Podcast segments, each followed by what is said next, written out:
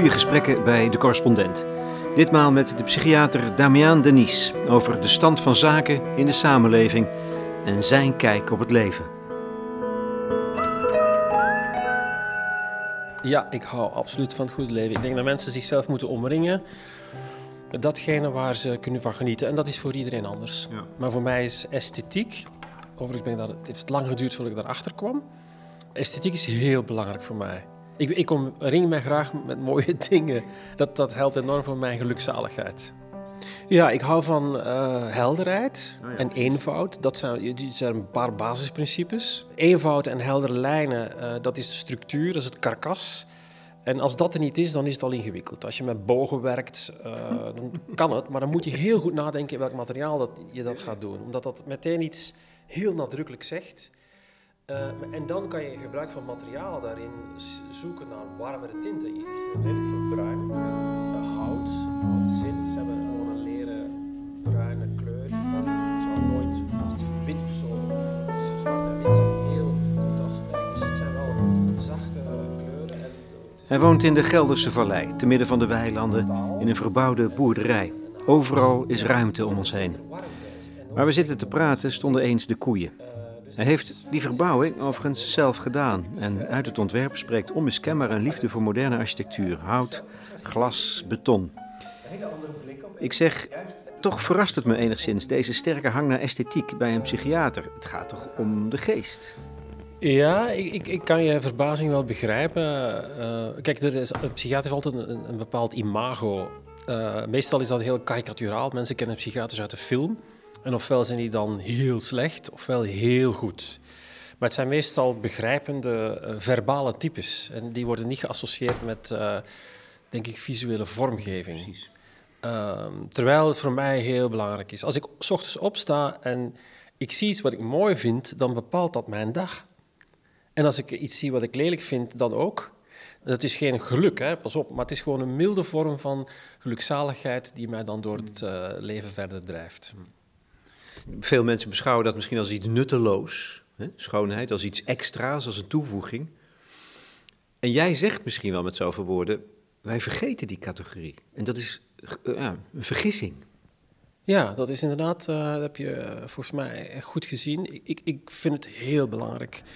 Ehm, en die schoonheid, dat, dat is niet iets bijkomstig. Het is volgens mij echt essentieel. We hebben als mens, dat is ook natuurlijk, hè, we hebben hersenen die zijn gevormd volgens bepaalde natuurwetten. Dus in de natuur zit ook schoonheid. Dus die schoonheid is niet alleen wat mensen maken in de meubels, in de, in de architectuur, maar ook in de natuur zit een schoonheid, zit een symmetrie, zit een vorm. En wij behoren daartoe.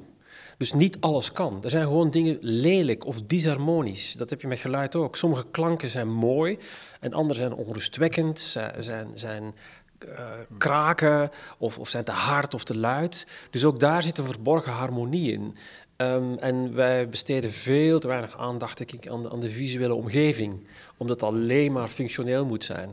Schoonheid is natuurlijk in essentie subjectief, maar er zijn absolute schoonheidswaarden.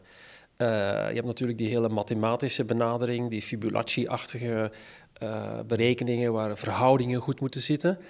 Eh, maar ik vind, het mooie van schoonheid is, je hoeft daar eigenlijk niet over na te denken. Je voelt het. Je voelt als iets appelleert aan iets, eh, omdat je langer wil kijken of omdat het iets doet met je geest. Dus ik vind ook, waarom zou ik dat zo ingewikkeld moeten verklaren als ik het voel als mens?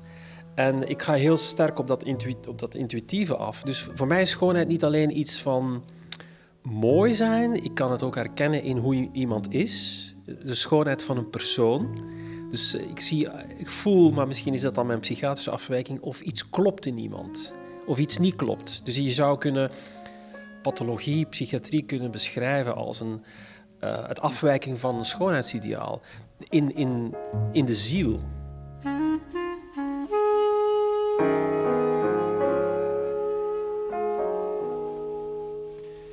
Damian Denis is psychiater, hoogleraar aan de UvA en voorzitter van de NVVP. Dat is de Nederlandse Vereniging voor Psychiatrie.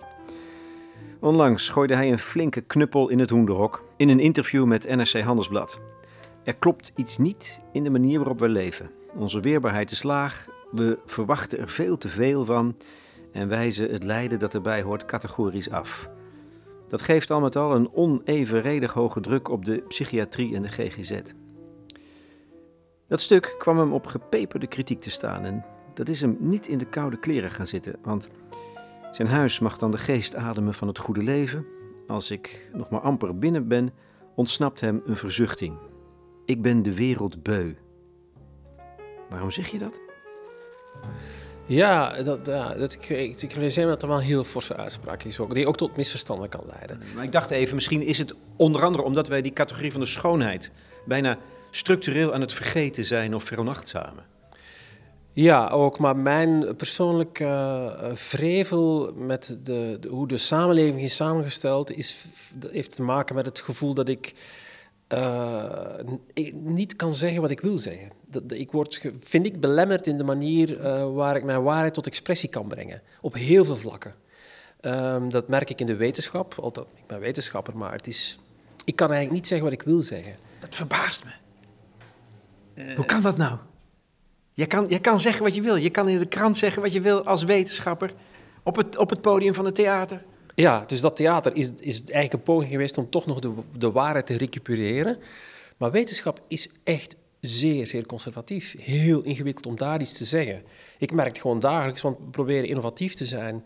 Uh, en dat is zeer, zeer moeizaam. Dus als ik zeg ik ben de wereldbeu, dan ben ik het beu om na die 15 jaar weer afgewezen te worden met een fonds, omdat het onbegrepen wordt, omdat het uh, niet kan om die en die reden.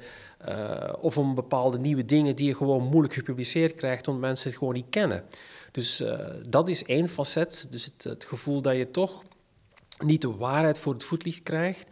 En ik, ik kan het natuurlijk wel in de media doen, dat doe ik ook. Maar als je dan ziet hoeveel kritiek en commentaar. En in het begin vond ik dat allemaal niet zo heel erg. Maar na een tijdje merk je wel dat het een rol speelt. Ik vind dat het, daar heb ik de impact toch van onderschat. Als het lang duurt, dan denk je van ja, ik wil mijn waarheid op een andere manier kwijt. Eh, in een intiemere vorm, uh, waardoor ik gewoon kan zeggen wat ik wil. En dan laat ik het voor wat het is en doen mensen maar mee wat ze willen.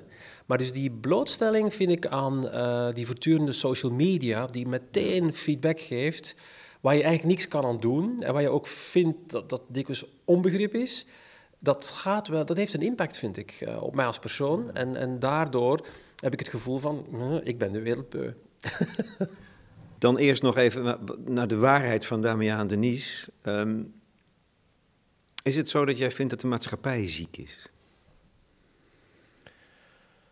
Ja, ook dat is mee, de vraag is of een maatschappij überhaupt ziek kan zijn. Ja. Dat is een ingewikkelde. Ik, ik, dat is een heel, dat is ook makkelijk ik vind het niet zo heel plezierig om mij in die bewoordingen uit te drukken. De maatschappij is, wat is, is gecreëerd. Uh, daar hebben wij dikwijls aanzet toegegeven, maar na een tijdje ontwikkelt ze zich op een eigen tempo, op een eigen soort van dynamiek, wat wij niet altijd willen. Dus de maatschappij is een gek concept, want het is een gevolg van wat we creëren, maar we worden er ook door gecreëerd. Dus het is een rare soort van cirkelbeweging van maken, maar gemaakt worden.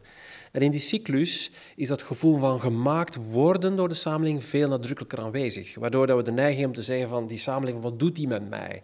Maar we moeten niet vergeten dat wij zijn degene die die telefoons hebben gekocht. Wij zijn degene die veiligheid wilden. Wij zijn degene die moeilijkheden met immigranten. Dus we hebben zelf aanzet daartoe gegeven. En dan ontwikkelt zich een dynamiek. En dan vervolgens denken van, hé, hey, ik ben daar nu blijkbaar slachtoffer van. Dus we zitten volgens mij nu zo'n fase waar mensen uh, de gevolgen zien van een samenleving die zich ontwikkelt en daar zelf niet meer leidend in zijn met EI, maar wel leidend met lange ei. Mm. En dat is op zich wel fascinerend, want dat betekent dat er een nieuwe kanteling moet komen. Dus eh, ik vind dit, deze periode op zich heel aantrekkelijk, omdat het, het lijkt op, op andere periodes in de geschiedenis. 1920 bijvoorbeeld was zo'n typische periode ook waar heel veel uh, dat, dat, dat, onbehagen was toen ook op zijn toppunt. Heidegger schreef Sein und Zeit. Uh, in Wenen was het topculturele stad. werd heel veel... Dat, dat, dus dat gevoel van onbehagen, Freud schreef er ook over, was ook heel imminent aanwezig. En dat was een voorbode voor iets wat heel onprettig werd. Ja. Hè? Twee eigenlijk wereldoorlogen en een enorme economische crisis. Hè? Ik weet niet of het zover zal komen. Um, maar... Die vraag ligt natuurlijk op tafel gaat het dezelfde kant op. Als je zo naar de samenleving kijkt, met alles, alles wat er gebeurt. En met het gevoel dat we het niet in de hand hebben. Veel mensen hebben dat. Ja, dat is inderdaad zo. Ik sprak toevallig gisteren met iemand en die zei... op het moment dat een samenleving ongelooflijk veel aandacht heeft voor dieren, tot op het absurde toe, wat eigenlijk ook wel nu is, dan is dat dikwijls een voorbode van een hele... Oh ja? ik vond het een heel erg grappige bedenking, maar dus dat, dat blijkt toch vroeger ook veel voorgekomen te zijn in literatuur. Eh, als, als er enorm veel aandacht is voor welzijn van dieren, meer dan voor mensen, wat nu soms ook soms blijkt, dat we enorm gefocust zijn op die, die, die, die puppies of die edelherten of weet ik veel allemaal. En dan niet naar het menselijke kijken. Dat zijn blijkbaar predictoren van grote kantelingen. Maar ja, je, je mag het natuurlijk niet hopen dat er een oorlog komt, maar soms is het wel noodzakelijk in die cyclus om tot uh, verbetering te komen. Dat is nogal een uitspraak, hè? Dat de crisis, dat er een crisis aankomt en die is onvermijdelijk. En daarna kan het pas weer beter worden. Ja. Denk je het echt? Ja, ik denk het echt. Uh, omdat... Uh, ik ook trouwens. Ja, het, is heel jammerlijk. Ik wens het niet. Maar ik denk dat de mens nu zo eenmaal werkt. Op het moment dat wij ons omringd hebben met gemak en luxe uh, waar we nu in zitten, op een absoluut toppunt. Als je kijkt naar de wereldgeschiedenis, is de, de mate van het gemak dat we hebben, de beheersing, de controle, is zo extreem geworden. En de mogelijkheid om dat in stand te houden is zo maximaal dat we ons zelf nu daarin te gronden richten. En dat zie je op heel veel niveaus. En de vraag is of een mens in staat is om daar van nature afstand van te nemen en een stap terug te zetten en niet dat gemak meer te wensen om mentaal gezonder te worden. Dus om het eventjes makkelijk te zeggen, we hebben een samenleving gecreëerd die fantastisch is om in te leven, maar ons eigenlijk misschien als individu ziek maakt.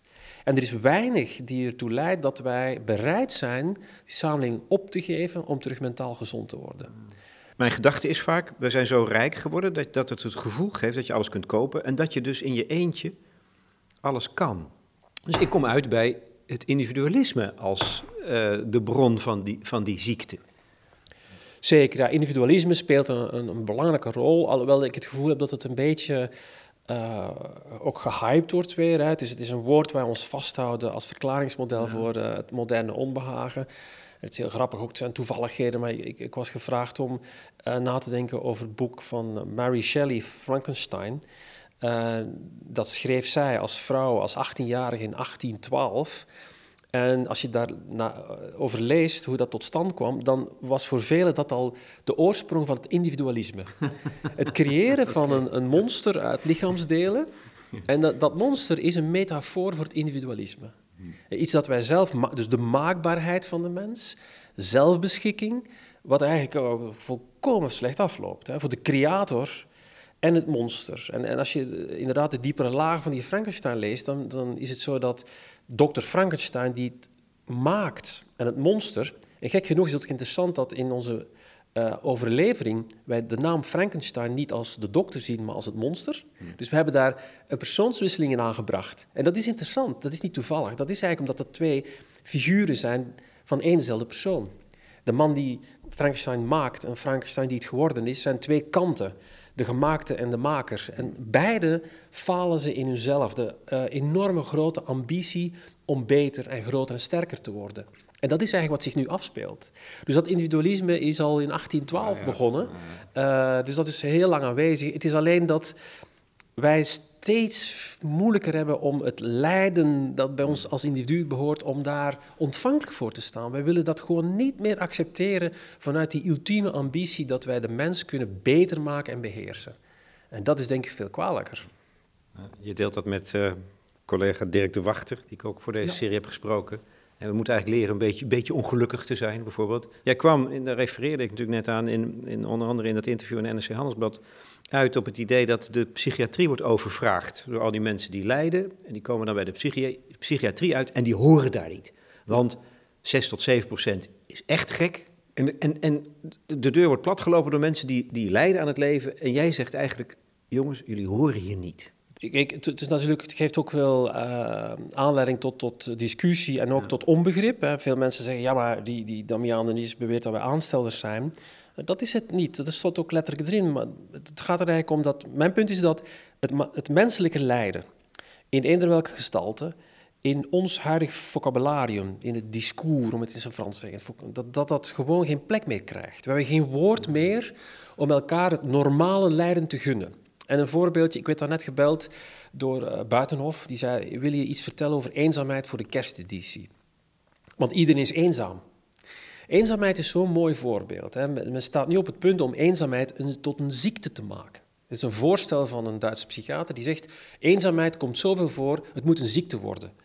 En dan gaan we op zoek naar hersenafwijkingen. En als die gevonden worden, en dat blijkt altijd te kunnen natuurlijk, want voor alles is er wel een hersensubstraat, dan gaan we naar behandeling. Dus dan hebben we het gemedicaliseerd, gepsychologiseerd en aanvaard. En dat is een mooi voorbeeld, vind ik, van hoe wij iets wat fundamenteel menselijk is. Want eenzaamheid is zich niet erkend weten als persoon. Dat is de essentie van ons bestaan. Eenzaamheid is goed, omdat het ons drijft naar de ander. Het verhoogt het socialiseringsproces, wat we van nature niet doen, omdat de ander toch een vijand is. Dus angst motiveert ons om toch op zoek te gaan naar iets waar we dan last van kunnen komen. Eenzaamheid drijft ons naar socialiseren. Dus daar is helemaal niks verkeerd mee. Maar wij bekijken dat als slecht en nu als ziekte. En dat is mooi omdat het illustreert hoe wij elk ongemak alleen maar accepteren op het moment dat het gemedicaliseerd of gepsychologiseerd wordt. En dat is mijn punt. Dat doen we met burn-out, dat doen we met stress, dat doen we met autisme, met ADHD. Sommige zijn echt wel ziekten, maar de prevalentie daarvan is absurd hoog. Het punt wat ik dikwijls al ADHD, tien jaar geleden namen 40.000 kinderen Ritalin, nu zijn het er 400.000. Dus in, in, in een decennium tijd is dat vertienvoudigd. Dat, dat kan niet. Dat heeft niks te maken met het voorkomen van de ziekte. Dat heeft iets te maken met hoe wij als samenleving naar zo'n ziekte kijken en het verruimen, omdat wij het heel moeilijk vinden dat jongetjes druk zijn. Dat past niet meer in onze belevingswereld. Dat mag niet, dat kan niet. Er ontstaat een nieuwe norm, waardoor een heleboel uh, gedrag dat niet tot die norm behoort, opeens als ziekte kan worden bestempeld. Precies, we hebben een nieuwe norm uh, gecreëerd, die we misschien wel iets stringenter nu maken dan we zouden willen. Dat is de mens als product. Wij zijn niet alleen eh, in een consumptiemaatschappij terechtgekomen omdat wij alles in de wereld als consumptiemiddel zien. We hebben alles eigenlijk geconsumeerd. We zijn voortdurend consumeren.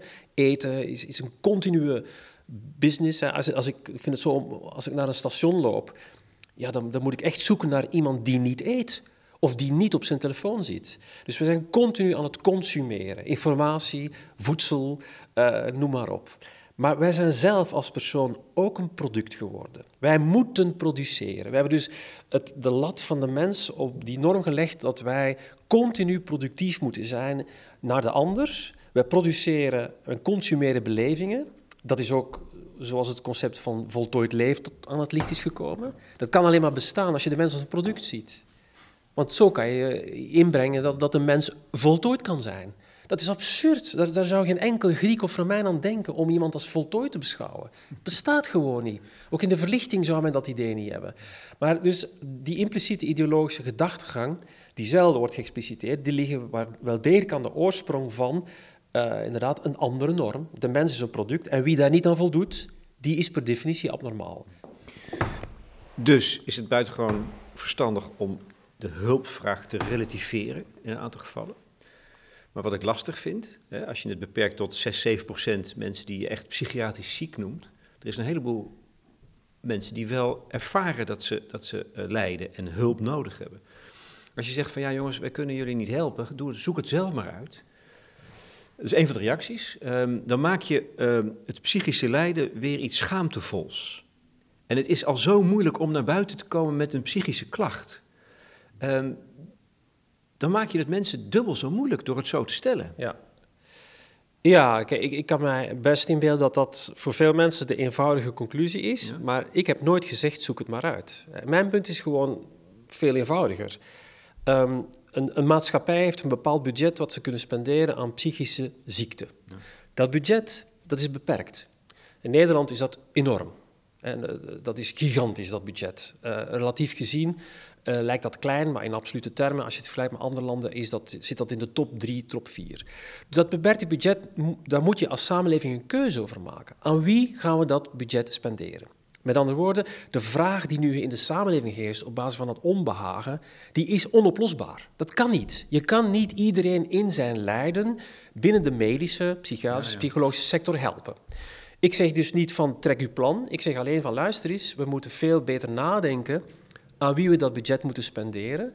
Laten we daar tenminste uh, naar kijken. En mijn hypothese is dat die 6, 7 procent mensen die continu echt heel ernstig ziek zijn, dat die daar het meeste recht op hebben.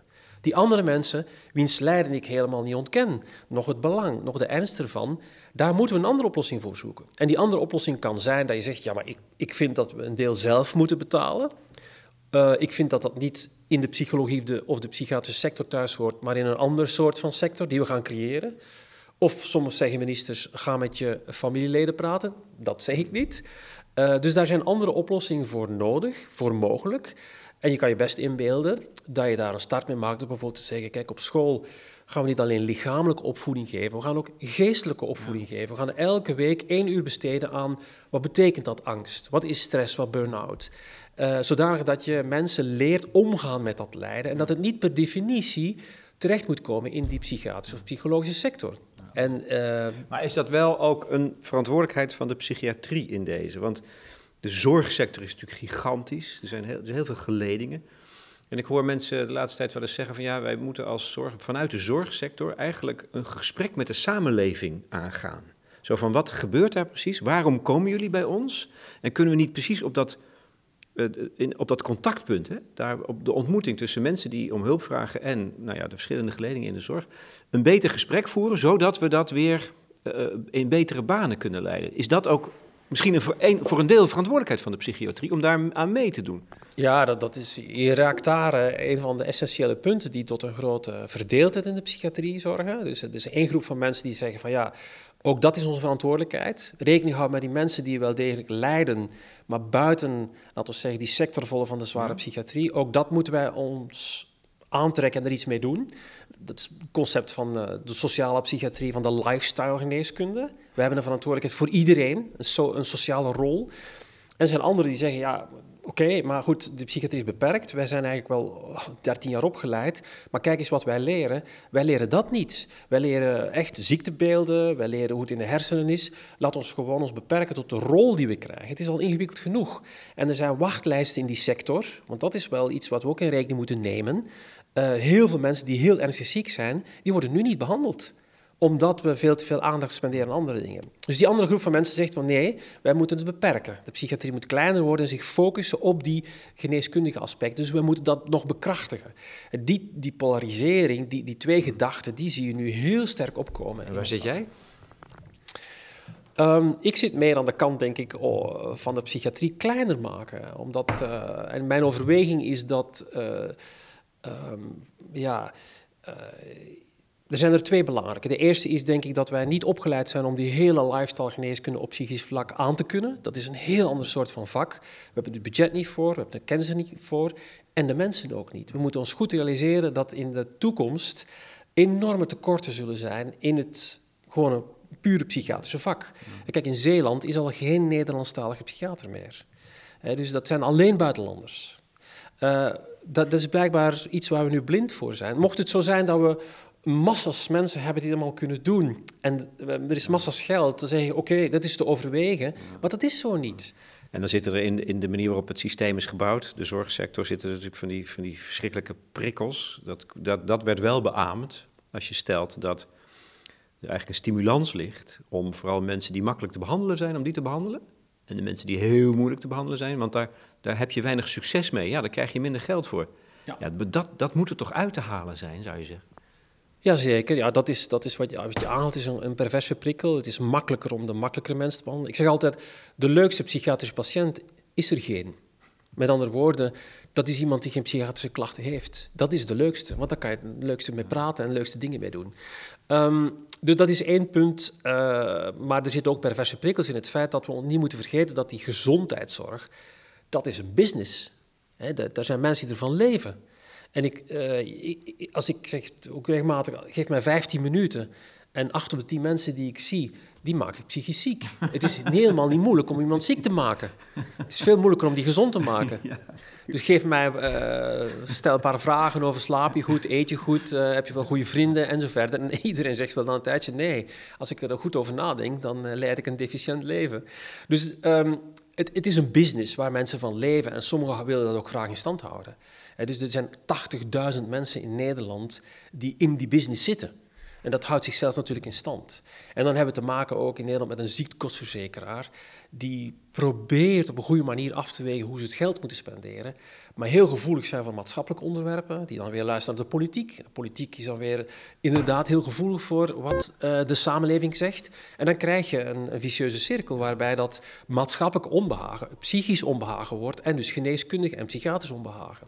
Wie moet beginnen als je dit wil veranderen? De macht ligt bij de zorgverzekeraars. Moeten zij de eerste stappen zetten? Maar ja, we hebben het daar net al over gehad. Hè. Hoe, in hoeverre is dat makkelijk dat ehm, de mens zelf die in dit systeem zit dat onderuit haalt? Dat zou je wel wensen. Ik denk, uh, dit is geen oorlog, maar eh, nogmaals, we worden waarschijnlijk gered door dat enorme personeelsgebrek dat er zit aan te komen. Dus er gaan zoveel mensen tekort zijn in de gezondheidszorg, dat er uh, gewoon te weinig mensen zullen zijn. En uiteindelijk zal besloten worden wie een ander zal moeten behelpen. Het zal dus niet kunnen. We zullen geen mensen vinden die, dat, die, die iedereen kunnen behandelen. Uh, en dan hoop ik dat we, iedereen verstandig genoeg is om die beperkte uh, reserves gewoon toe te kennen aan de mensen die het hardst nodig hebben.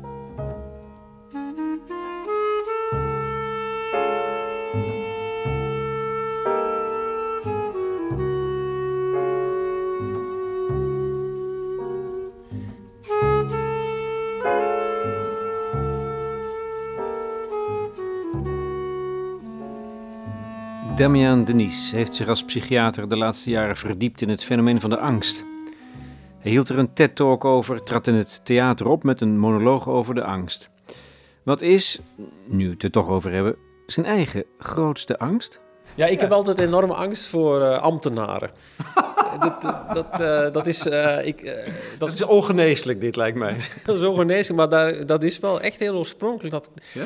ja, dus ik, ik kan... Kafkaesk. Ja, ik kan die Kafkaiaanse uh, angst echt voelen. Op het moment dat ik uh, ergens in een, in een mannenmolen terechtkom van inspecties of administratie, of, uh, dan heb ik het gevoel, ja, dit, dit, dit, dat, één, het is compleet irrationeel. Uh, twee, uh, je, je, bent volledig overgeleverd aan de goodwill van mensen die eigenlijk heel ver van je staan. En het is volstrekt anoniem. Dus ik vind dat een zeer bedreigend. Dus de, de, de administratie, de ambtenarij, die, die ons eigenlijk als het ware verstikt op allerlei niveaus. Dat is wel een heel concreet antwoord. Mijn beste vrienden zijn ambtenaren. Is het waar? Ja. nou ja, maar ze zijn waarschijnlijk niet kwaadwillend, maar allemaal samen zijn ze wel heel gevaarlijk. Er stond laatst een kop boven een interview met Marilyn Robinson, de Amerikaanse schrijfster. De angst voor de ander is verslavend.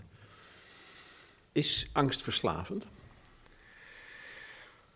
Uh, dat vind ik ingewikkeld. Ik, vind al, uh, ik, ik, begrijp wel ergens dat het verslavend zou kunnen zijn. Ik zou het niet in die bewoordingen uitdrukken. Ik denk dat uh, het wel kan, tenminste als je angst op een bepaalde manier begrijpt. En voor mij zou dat dan zijn dat angst is een enorme succesvolle betekenisgever. Dat moet ik even teruggrijpen. Als mens hebben wij nood aan betekenis. Continu. Wij willen betekenis geven aan de wereld. Ontvangen daarvoor staan. Net zoals we ademen. Als we ergens komen, dan willen we dingen begrijpen. Dat is een act die te maken heeft met het ons ja, kunnen in stand houden in een bepaalde omgeving, milieu. En angst is een, een hele makkelijke betekenisgever. Dus als ik bijvoorbeeld iemand die zou zien binnenwandelen op mijn terrein in een blauwe burka, uh, dan zijn er verschillende manieren om daarmee om te gaan. Maar angst is het meest voor hand liggende. En geeft mij betekenis in de zin van, oh, een blauwe burka, daar zit misschien een bomgordel onder, weet ik veel. Ja, maar angst is dus zingevend. Zingevend, ja. En dat is het verslavende. Het is de makkelijkste zingever. Ja.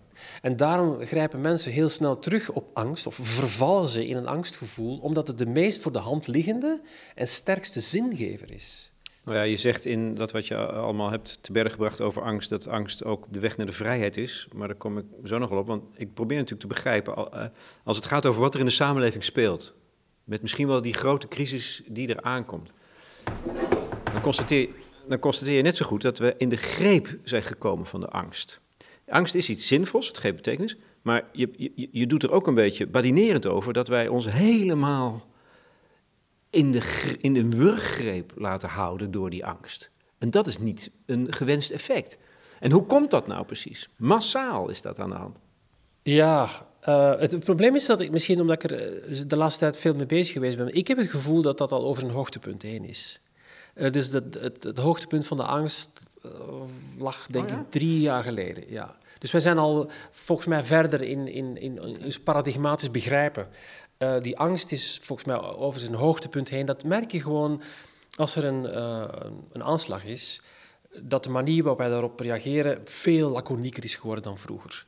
Dus er is een soort van leidzaamheid die heel snel optreedt. Dat, is ook, dat heeft ook te maken met flexibiliteit van mensen. Eh, voor, voor mij zit het grote maatschappelijke thema niet meer in de angst, maar gewoon in de leegte. Wij weten niet meer nou waar we naartoe moeten. Dus de ideaalbeelden die ons moeten richting geven, die zijn verdwenen. Dus na de angst komt een soort van gevoel van...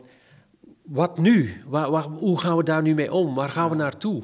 Maar dan is toch precies de angst voor de ander in die leegte iets wat, dat is juist wat, zoals ik het zie. Dat er is die grote leegte, een zingevingsleegte. We weten niet hoe we ons leven zinvol moeten inrichten. Ja. En dan komt de angst voor de ander als iets wat, nou, dat helpt toch weer om een beetje het gevoel te geven ehm, dat je, nou ja, van, van richting, van, van kracht, van vitaliteit. Ja, maar, maar ik denk dat het Dat, dat is trouwens mijn grootste angst. Maar goed. Ja, ik, ik, ik, ik begrijp het wel. Alhoewel, ik denk dat de, dus de angst voor de ander echt minder is. Ehm, dat, dat er nu, eh, volgens mij zit het nu wel dieper dat er gewoon een, er is een soort van onverschilligheid naar de ander. En dat is nog volgens mij nog veel erger. Dus die emotionele beweging naar de ander, die is gewoon afgevlakt. Er is een, een gelatenheid, als het ware, een detachment naar de ander. Omdat de ander, wij nemen de ander niet meer mee in de rijkdom van ons leven. Die zien we niet meer. En dat is misschien daarom het ultieme hoogtepunt van het individualisme. We hebben eigenlijk altijd het idee dat ik zelf mijn wereld ga maken. En er gaat niemand tussenkomen. Fuck it. Dat laat ik gewoon niet doen. Als ik dat bepaal, dan gaat het zo gebeuren. Dat is een stadium verder, maar, denk- niet, maar niet beter. Helemaal niet. Het is een stadium verder, maar erger. Eh, omdat eh, in angst tenminste nog de ander eh, erkend wordt als zijnde eh, een belanghebbende in mijn leefwereld. Nee, omdat het, het is toch een idee, volgens mij zeg je dat om het zoveel woorden, angst is industrie. Angst is entertainment geworden. Het verkoopt. Ja. Dus we, dan zijn we, in dat opzicht zijn we er voorlopig nog niet vanaf, zou ik zeggen. Nee, dat is, dat is juist. Dat is, blijft nog altijd. Dat is ook al heel lang zo natuurlijk. Dus angst is, een, is de belangrijkste emotie die ons tot beweging brengt. En eh, de hele consumptie, de industrie heeft angst eh, massaal ingezet om ons te bewegen, dingen te kopen. Tot een mate waar we het ons gewoon niet meer kunnen inbeelden. Dus als je, eh, ik, ik valt mij wel op als ik naar de radio luister, dat er dan plotseling, zeker met de herfst en de winter, een eerste rapport verschijnt, zelfs op Radio 1 is dat, waar iemand zegt van ja, we hebben gekeken en in Duitsland is een studie gedaan en dan blijkt dat er toch nog veel ongevallen op de weg zijn, omdat mensen zich niet realiseren of ze winter- of zomerbanden hebben. En dan wordt er uitgespreid gesproken over het gevaar en het gebrek en dat het toch heel beschuldigend dat we dat niet weten. Hè. Wereld is schuld. Dus schuld is ook zo'n heel belangrijke denk ik in onze samenleving. We voelen ons voortdurend schuldig. En daarna eh, komt dan een massale campagne over het aanschaffen van eh, winterbanden. Dus het, het verkopen van iets wordt gekoppeld aan eerst mensen bang maken. Dus de hele coachingsbusiness, de hele educatiebusiness, die stoelt, is gesteund op, om mensen bang te maken. We- Weet u wat er nu de richtlijnen zijn? Kent u nu de veiligheidseisen? Eh voelt en zo verder. Dus eerst worden mensen bang gemaakt, schuldig gemaakt, die kortkoming wordt erin genesteld. En dan zegt men, maar dan is het natuurlijk wel noodzakelijk dat u onze cursus volgt, of dit of dat volgt. De vraag is natuurlijk wel, want, want ook hier moet je behoedzaam manoeuvreren als je om wil gaan, op een goede manier om wil gaan met angst. Want er is ook iets zinvols in angst. En eh, zo begreep ik het eigenlijk, dat het de, je de weg kan wijzen naar de vrijheid. Ja. Hoe zie je dat precies? Ja, de, de, de redenering is dat eh, wij in onze samenleving bang geworden zijn van angst. Dus angst is toegenomen, maar dat is, niet, dat is één ding. Wij zijn bang geworden van de angst. En dat is opmerkelijk. Ook iets weer, een norm, je mag niet bang zijn. Ja, je mag niet bang zijn. En, de, en dat komt omdat wij controle als een enorme deugd zien. De mensen moeten een controle hebben over hun leven. En als er één emotie is waar je de controle verliest, dan is het angst. En dan ben je niet in controle. Dan ben je, word je beschouwd als zwak en dan vinden wij onszelf ook heel zwak. Eh, dus die twee dingen hangen samen. Die Onze hangen neiging om het te controleren en de toename van de angst. Ja, je kan bang zijn, maar je kan bang zijn voor de angst. Eh, en dat is opmerkelijk dat in generaties waar mensen heel veel te maken hebben met bedreiging, bang zijn voor angst helemaal geen issue was. Eh, mijn grootmoeder van 1,57 meter die heeft twee wereldoorlogen meegemaakt. Ik heb er nooit bang geweten. Nooit, ook niet bang voor de angst. Dat, dat, dat was gewoon een, onderdeel. Dus we hebben een stukje afgeleerd. maar als je erover nadenkt, wat angst, wanneer komt dat op in ons normale dagdagelijkse leven? Ik heb het niet over extreme toestanden. Dan zie je dat mensen onzeker worden, dat ze de controle verliezen, dat ze angstig worden op het moment dat ze op het punt staan om hun comfortabele leven, hun comfortzone te verlaten. Op het moment dat mij wordt gezegd, oké, je gaat op vakantie naar Namibië, ik zeg maar iets, maar we gaan op dat moment iets doen wat nog nooit is gedaan. Ik weet niet of er wel kaarten ter beschikking staan. We gaan de woestijn in en zo verder. Uh, op het moment dat je, hebt een goede baan, dat iemand zegt, weet je wat, ik heb een alternatieve job daar. Ik weet niet hoe dat het precies eruit zien.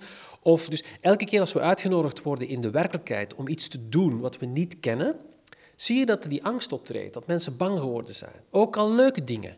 Als je s'nachts in het café uh, plotseling uh, een, een, goede relatie met een vrouw hebt die je niet kent en zij is uitnodigend en je denkt van, heb ik wel een goede partnerrelatie, misschien moet ik met die vrouw verder gaan, dan, dan komen mensen in een soort van verwarring terecht. Wat is nu de goede keuze? Is het de vorige of deze nieuwe?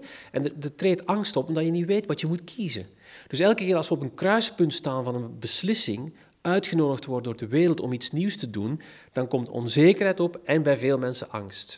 Die angst signaleert het moment waarop het punt staat om vrij te zijn. Want vrijheid betekent loskomen van jezelf, van je eigen wereld en iets tegemoet treden wat je nog helemaal niet kent.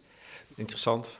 Ik zie mijn leven eigenlijk vaak als een, als een heel lang proces van de angsten, waar ik als jonge man last van had, te overwinnen. Maar door ze te doen. Ja, dat is denk ik altijd. Door gewoon precies, dat, er wordt me iets gevraagd wat ik eng vind, uh, optreden voor een zaal. Nou, je kunt weglopen, maar ik heb geleerd door, ik, nou ja, op een of andere manier zei ik dan altijd ja, eh, in paniek, doen, en dan denken, hé, hey, ik, ik leef nog. Dus, dat, dus, dat, is de manier hoe mensen met angst moeten omgaan. Dat, dat is, zoals jij het gedaan hebt, is het, het schoolvoorbeeld van hoe het moet. Je moet datgene waar je bang voor bent, moet je doen. Want dat is de verrijking. Elke keer dat je in staat bent om datgene toch te doen waar je bang voor bent, word je als mens rijker, interessanter. Want je hebt een ervaring geïncorporeerd waar je bang voor was, die vreemd aan je was. Je hebt je ze eigen gemaakt en niet na één keer, maar als je verschillende keer op podium hebt gestaan, dan wordt het een, een, een evidentie, een habit. En je, je bent iemand geworden met een rijkere levenservaring, met meer mogelijkheden. Maar je moet niet altijd alles opgeven wat je hebt, toch? Nee, Als je het voorbeeld geeft van die vrouw in het café waar je denkt, oh, nou, dan, dan ga ik maar weg. Maar het gaat er niet om wat de beste keuze is. Het gaat erom dat je moet omgaan met een onzekerheid. En dat is, daarom vinden wij het zo lastig om juist over die thema's te hebben waar geen oordeel over te vellen is. Wie is mijn beste partner? Wie ben ik als persoon?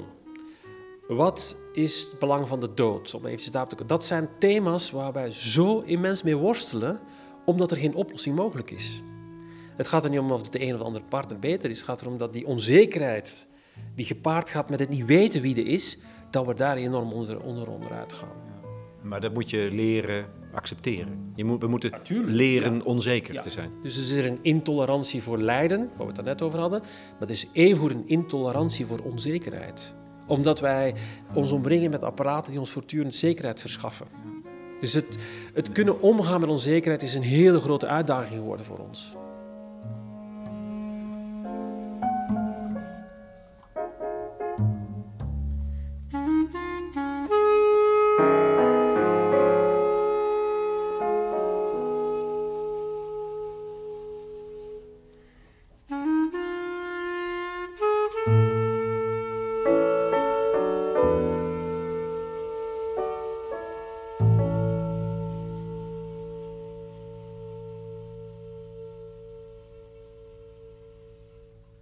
Één onderwerp. zeker. Een klein onderwerpje, de dood. Ja. Je zei laatst op een symposium over euthanasie bij psychiatrische patiënten, ehm, dat je heel erg bezig bent met de dood.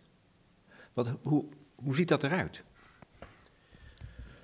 Um, ja, het, het, ziet er op verschillende vlakken uit. Dus ik heb er natuurlijk professioneel veel mee te maken. Dus de meeste mensen die ik spreek, die willen dood. Oh, drie kwart ervan dat is een, een, thema dat bijna continu uh, op tafel komt. Dus ik Wat zie... doet het eigenlijk met je als, als, als iemand tegen, dat tegen je zegt, ik wil dood? Ja, dat, ik vind het een, ik moet zeggen, een heel mooie vraag. Die, die eh, wordt zelden gesteld aan een psychiater. Wat doet dat met je? Want dat doet wel degelijk iets. Als iemand voor je zit. Ik had deze week nog iemand, twee mensen. Eh, en ik zat een jonge vrouw van 36, misschien nu 40 geworden inmiddels. Die zit daar, die kan lachen en die zegt: Ik wil dood. Dat is het. Ik heb er genoeg van. Ik zei: Ja, je, je wil eigenlijk niet leven, maar je wil niet dood. Nee, zegt ze: Ik wil ook dood. Want dat leven, dat. dat, dat uh, Dus dat, wat je vraagt is wel terecht. Dat doet iets met je als iemand zegt: Ik wil dood. Als iemand, een gezond persoon, lichamelijk gezond, dat vraagt, dan ja, brengt dat iets teweeg in, in het gesprek met, met je als persoon. Wat dan? Is het een soort van je schrap zetten? Ik, het maakt je enorm onmachtig. Dus dat is een heel uh, ongemakkelijk gevoel. Dus je, wordt in een, ja, je voelt dus de onmacht, het tekortschieten. Dat neem je toch persoonlijk... Dat trek je dat aan. Ook al ben ik er, jij wil dood. Ja, precies. Dus je, je, je kan... Uh, en die onmacht komt ook aan het feit dat, je, dat het heel ingewikkeld is om iemand die mentaal afscheid van het leven genomen heeft, daar toch nog voor te laten boeien. Ja. Dus dat is, dat is uh, lastig. Uh, en toch, dat is misschien dan wel mooi, het verlies van zo'n persoon, dat raakt je persoonlijk. Dat, dat, dat doet iets, het mogelijk verlies. Dus daar zit wel een, uh, ja, dat is emotioneel ja, beladen. Dus in dat opzicht is het dood een, een maar voor mijzelf ook als persoon, ik, ik word ouder. En ik moet zeggen, tot mijn 45 heb ik daar nooit enig idee gehad dat ik tijdelijk was. En dan pas had ik het gevoel van, wauw, ik, ik word ouder. Dus ik, begin meer, ik begon meer dingen te begrijpen. En dat was fascinerend, zelfs teksten die ik in, filosofie had gelezen op mijn twintigste, totaal nooit begrepen had, maar wel gelezen had, werden opeens relevant. En, en die tijdelijkheid van de mens, die is mij sinds dan heel, heel scherp op het netvlies gekomen. En ook het belang ervan als betekenisgever. Ja. Uh, dus ik, ik, ik, ben dan nu 53. Nou, dat is jong, maar ik, ja, je houdt nu al rekening met het feit dat je niet eeuwig leeft. En ik wil nog een aantal dingen doen. Ik wil graag nog een theaterstuk maken. Ik wil een aantal boeken schrijven. Dus ik zit nu met mijn tijd toch anders te dealen dan dat dat voor mijn 45ste was. Daarom, daarom, ga je maar even op de, op de roeimachine zitten ook. daarom ga ik op de roeimachine zitten, want ik wil gezond blijven. Maar ik, ik wil ook gewoon keuzes maken uh, voor, wat, voor wat ik doe en niet doe. Ja, maar meer dus vanuit het licht van je eigen sterfelijkheid. Ja. Want die eindigheid, die, die maakt dingen plots belangrijker. En dat is geen onaangenaam gevoel. En het maakt ook voor jou helder en scherper wat je wil, wat je niet wil. Ja, dat, is, dat zei je eigenlijk op dat uh, symposium. De dood geeft in dat opzicht zin aan je leven. Ja, absoluut. Het, het maakt het niet zinloos, maar het geeft juist zin. Ja. Dus je moet de dood koesteren als betekenis heeft. Dat is niet van mij. Dat is iets wat filosofen en onder andere Heidegger heel scherp zegt. Hè. Voor hem, het is zijn zum tode. Dat, dat klinkt natuurlijk een beetje luguber uit iemand die dan beticht is van nazi-sympathieën. Ja. Maar dus die dood eh, in de ogen durven kijken. Dus uh, dat, ik, ik, uh, soms loop ik dan wel, nu iets minder, maar als ik hard loop en ik, ik zie af, dan vind ik interessant. Ik voel de wind van de dood in mijn gezicht. En dat geeft mij inderdaad die betekenis van dat wil ik nog doen en dat ga ik niet doen. En dat wil ik bereiken en dat kan ik misschien niet bereiken, maar ga ik wel proberen. En die eindigheid is zeer, zeer belangrijk om ja, het betekenis te laten opbloeien. Voor mij zijn het bloemen die opengaan en die voordien gesloten waren. Dus als jeugdige dan heb je alle vrijheid, alle schoonheid, alle lichamelijke perfectie, maar dan loop je door een bloemenveld waar die kelken gesloten van zijn.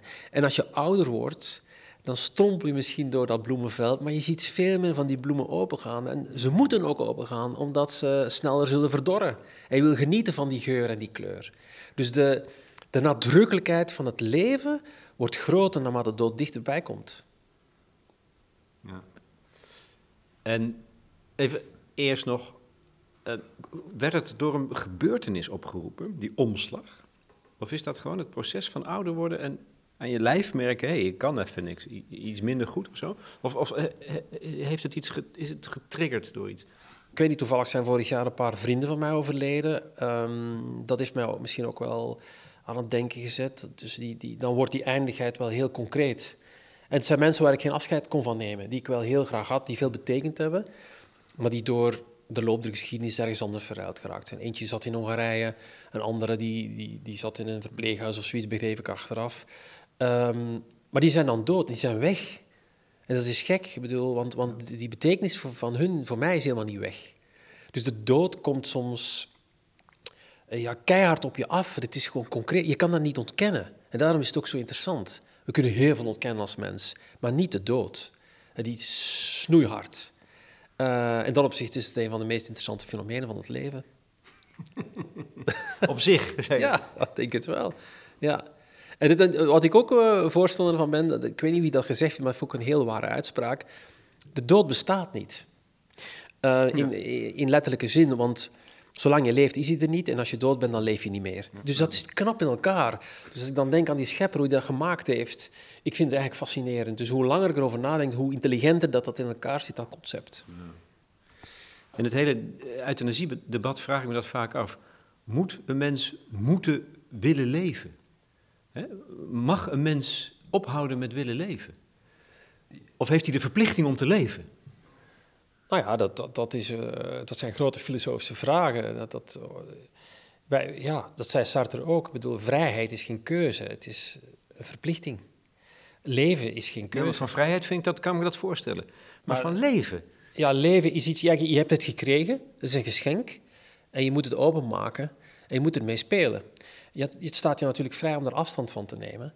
Maar het punt daar is namelijk het volgende. Als ik bij mij iemand heb zitten van 40 die zegt ik wil dood. En ik, ik begrijp uit de nutloosheid van haar leven dat die vraag legitiem is. Dan denk je van ja, is het niet mogelijk om zo iemand toch iets van dat leven te laten proeven wat ik dagelijks wel proef? Waar, waar heeft dat mee te maken? Dus je, je, wordt opstandig en je voelt je onmachtig omdat de mogelijkheid van het, het toch beseffen dat het interessant is, zo dichtbij ligt en toch zo ver af. Kijk, iemand die kanker heeft, die gaat dood. Maar iemand die psychisch ziek is, er is niet iets wat zorgt dat die mensen zullen sterven. Eh, die, die consequentie van het sterven is een eigen keuze. Eh, je mag dat beslissen. Maar het punt is één, dat het dichtbij ligt om het anders te zien. En het tweede is dat wij als persoon, en dat realiseer ik me als geen ander, zo beperkt zijn in onze visie op ons leven. Mocht het zijn dat wij de, als alwetende het beste weten wat ons tegemoet komt en hoe we beslissingen moeten nemen, zij denken van, nou ja, geen enkel probleem, maar dat is niet zo. Wij worden als mensen gedragen door een cultuur. En uh, de hele uitdaging, vind ik als mens, is je, jezelf overstijgen. Door gebruik te maken van aspecten die ons als persoon overstijgen. De taal bijvoorbeeld, uh, muziek. Oh, dat zijn allemaal dingen die veel verder strekken dan mezelf. Ik heb alles te danken aan de ander. Dus mijn leven is niet iets wat zich voltrekt op basis van het feit dat ik leef. Nee, het voltrekt op basis dat ik mag leven en gedragen word door de ander. En als je dat weet, dan denk je van ja, wie ben ik dan om te beslissen dat ik moet sterven? Nee, jij niet. Nee, maar de ander. Het gaat om, het gaat om de, vraag, die ander die zegt, ik wil sterven. En dan, hè, hoe, moet je daar, hoe moeten we daarmee omgaan met dat verlangen om het leven te beëindigen? Ja, maar, maar dan... Want het is namelijk wat je zegt, is niet het antwoord op mijn vraag. Heeft de mens de verplichting om te leven? Ja, ik vind van wel. Je hebt de verplichting om te, om, om te leven omdat je eigen inzicht in je verlangen naar de dood telkens gewoon fundamenteel tekortschiet in de waardering over je leven. Maar dat is gruwelijk, besef ik ook hoor, die uitspraak. Want als je dat, dan is het totaal onacceptabel. Dat is het natuurlijk ook niet. Er zijn mensen die echt effectief ook lijden. Uh, dus daar moet je voor openstaan. Ja, dat denk ik soms ook. Je, je kan het de mens gunnen. Tuurlijk, tuurlijk. Je moet het gunnen. Ik vind dat, dat is ook zo. Anders wordt het te gruwelijk. Dus je moet kunnen afstappen van dat fundamentele principe. Dus ook al zijn mensen beperkt in de manier hoe ze hun leven bekijken, zullen ze nooit tot een absoluut inzicht komen. Dan, moet, dan nog moet je respect hebben voor een beslissing en dat toelaten. Maar daar zit dus een, eh, mijn pijn en de onmacht die, die nooit verdwijnt als je met iemand spreekt die dood wil. Nee, dat begrijp ik. Maar goed, dat doen we nu als samenleving wel. Ja. Daar, daar voeren we wel volgens mij een, een goed, intens gesprek over in ieder geval. Ja, ja. Nou goed, mijn vrouw die net binnenkwam, die is huisarts, die voert euthanasie uit. En die zegt dat zelf ook. Soms is het mooi, maar soms is het gewoon lelijk. Dus dat, dat doet echt iets wel met mensen die, uh, ja. Ben je er al een beetje goed in, in dat koesteren van de dood? Ja, ik ben nooit bang geweest voor de dood. Dat heb ik nooit gehad. Nu nog niet.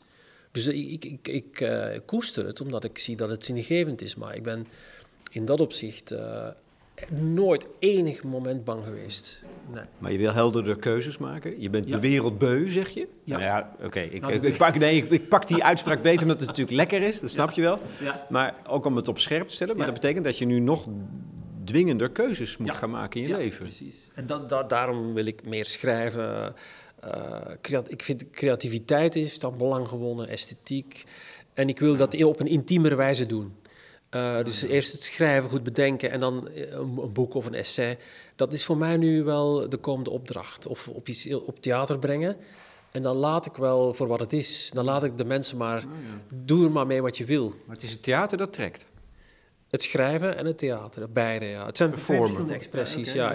Ik hou van op het podium staan, omdat het... ehm, ja, het is enorm angstwekkend. de, de breekbaarheid druipt ervan af. Dus ik moet zeggen, de keer dat ik het gedaan heb, was ik altijd zeer, zeer eh, bang. Eh, maar ook blij dan dat het lukt. Dus ik vind, ik vind dat, eh, dat, act, ja, dat acteren, ook of je het zo mag noemen, of op podium staan, wel heel, heel bijzonder. Omdat het een, een extreme uitdaging is van jezelf en toch binnen handbereik ligt.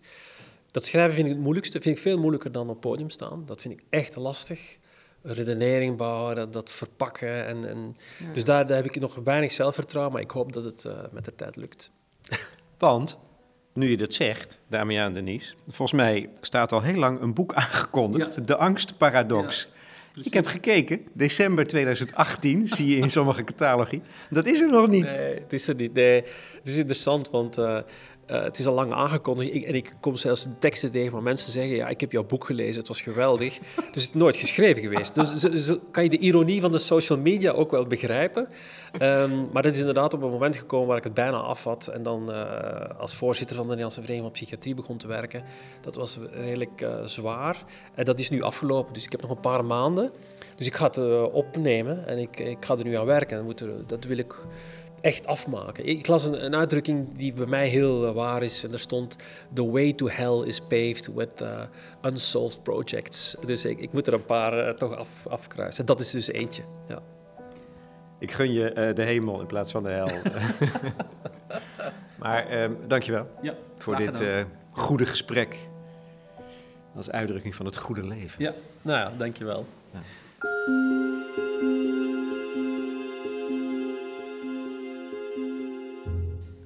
Damian Denise in gesprek met Lex Bolmeijer voor de correspondent over het goede leven. Heb je vragen, opmerkingen, kanttekeningen? Wees zo vrij om daarvoor ons journalistieke platform te gebruiken. Ik hoop dat Denise kans ziet om te reageren. Verder is het mogelijk om je te abonneren op mijn nieuwsbrief. Dan word je op de hoogte gehouden van de vorderingen. Op 1 januari aanstaande bijvoorbeeld publiceer ik een terugblik op vijf jaar podcast Goede Gesprekken. Over ambiguïteit, individualisme en feodaliteit. En er zijn nog veel meer podcasts trouwens. Zie daarvoor het podcastkanaal van De Correspondent. De muziek, tenslotte, was van Jimmy Giuffre, clarinetist. Van het album 1961. Vrije improvisaties met Steve Swallow op bas en Paul Bley piano. Alle regels losgelaten, ver voorbij de angst, is het resultaat, wat mij betreft, van een tijdloze schoonheid.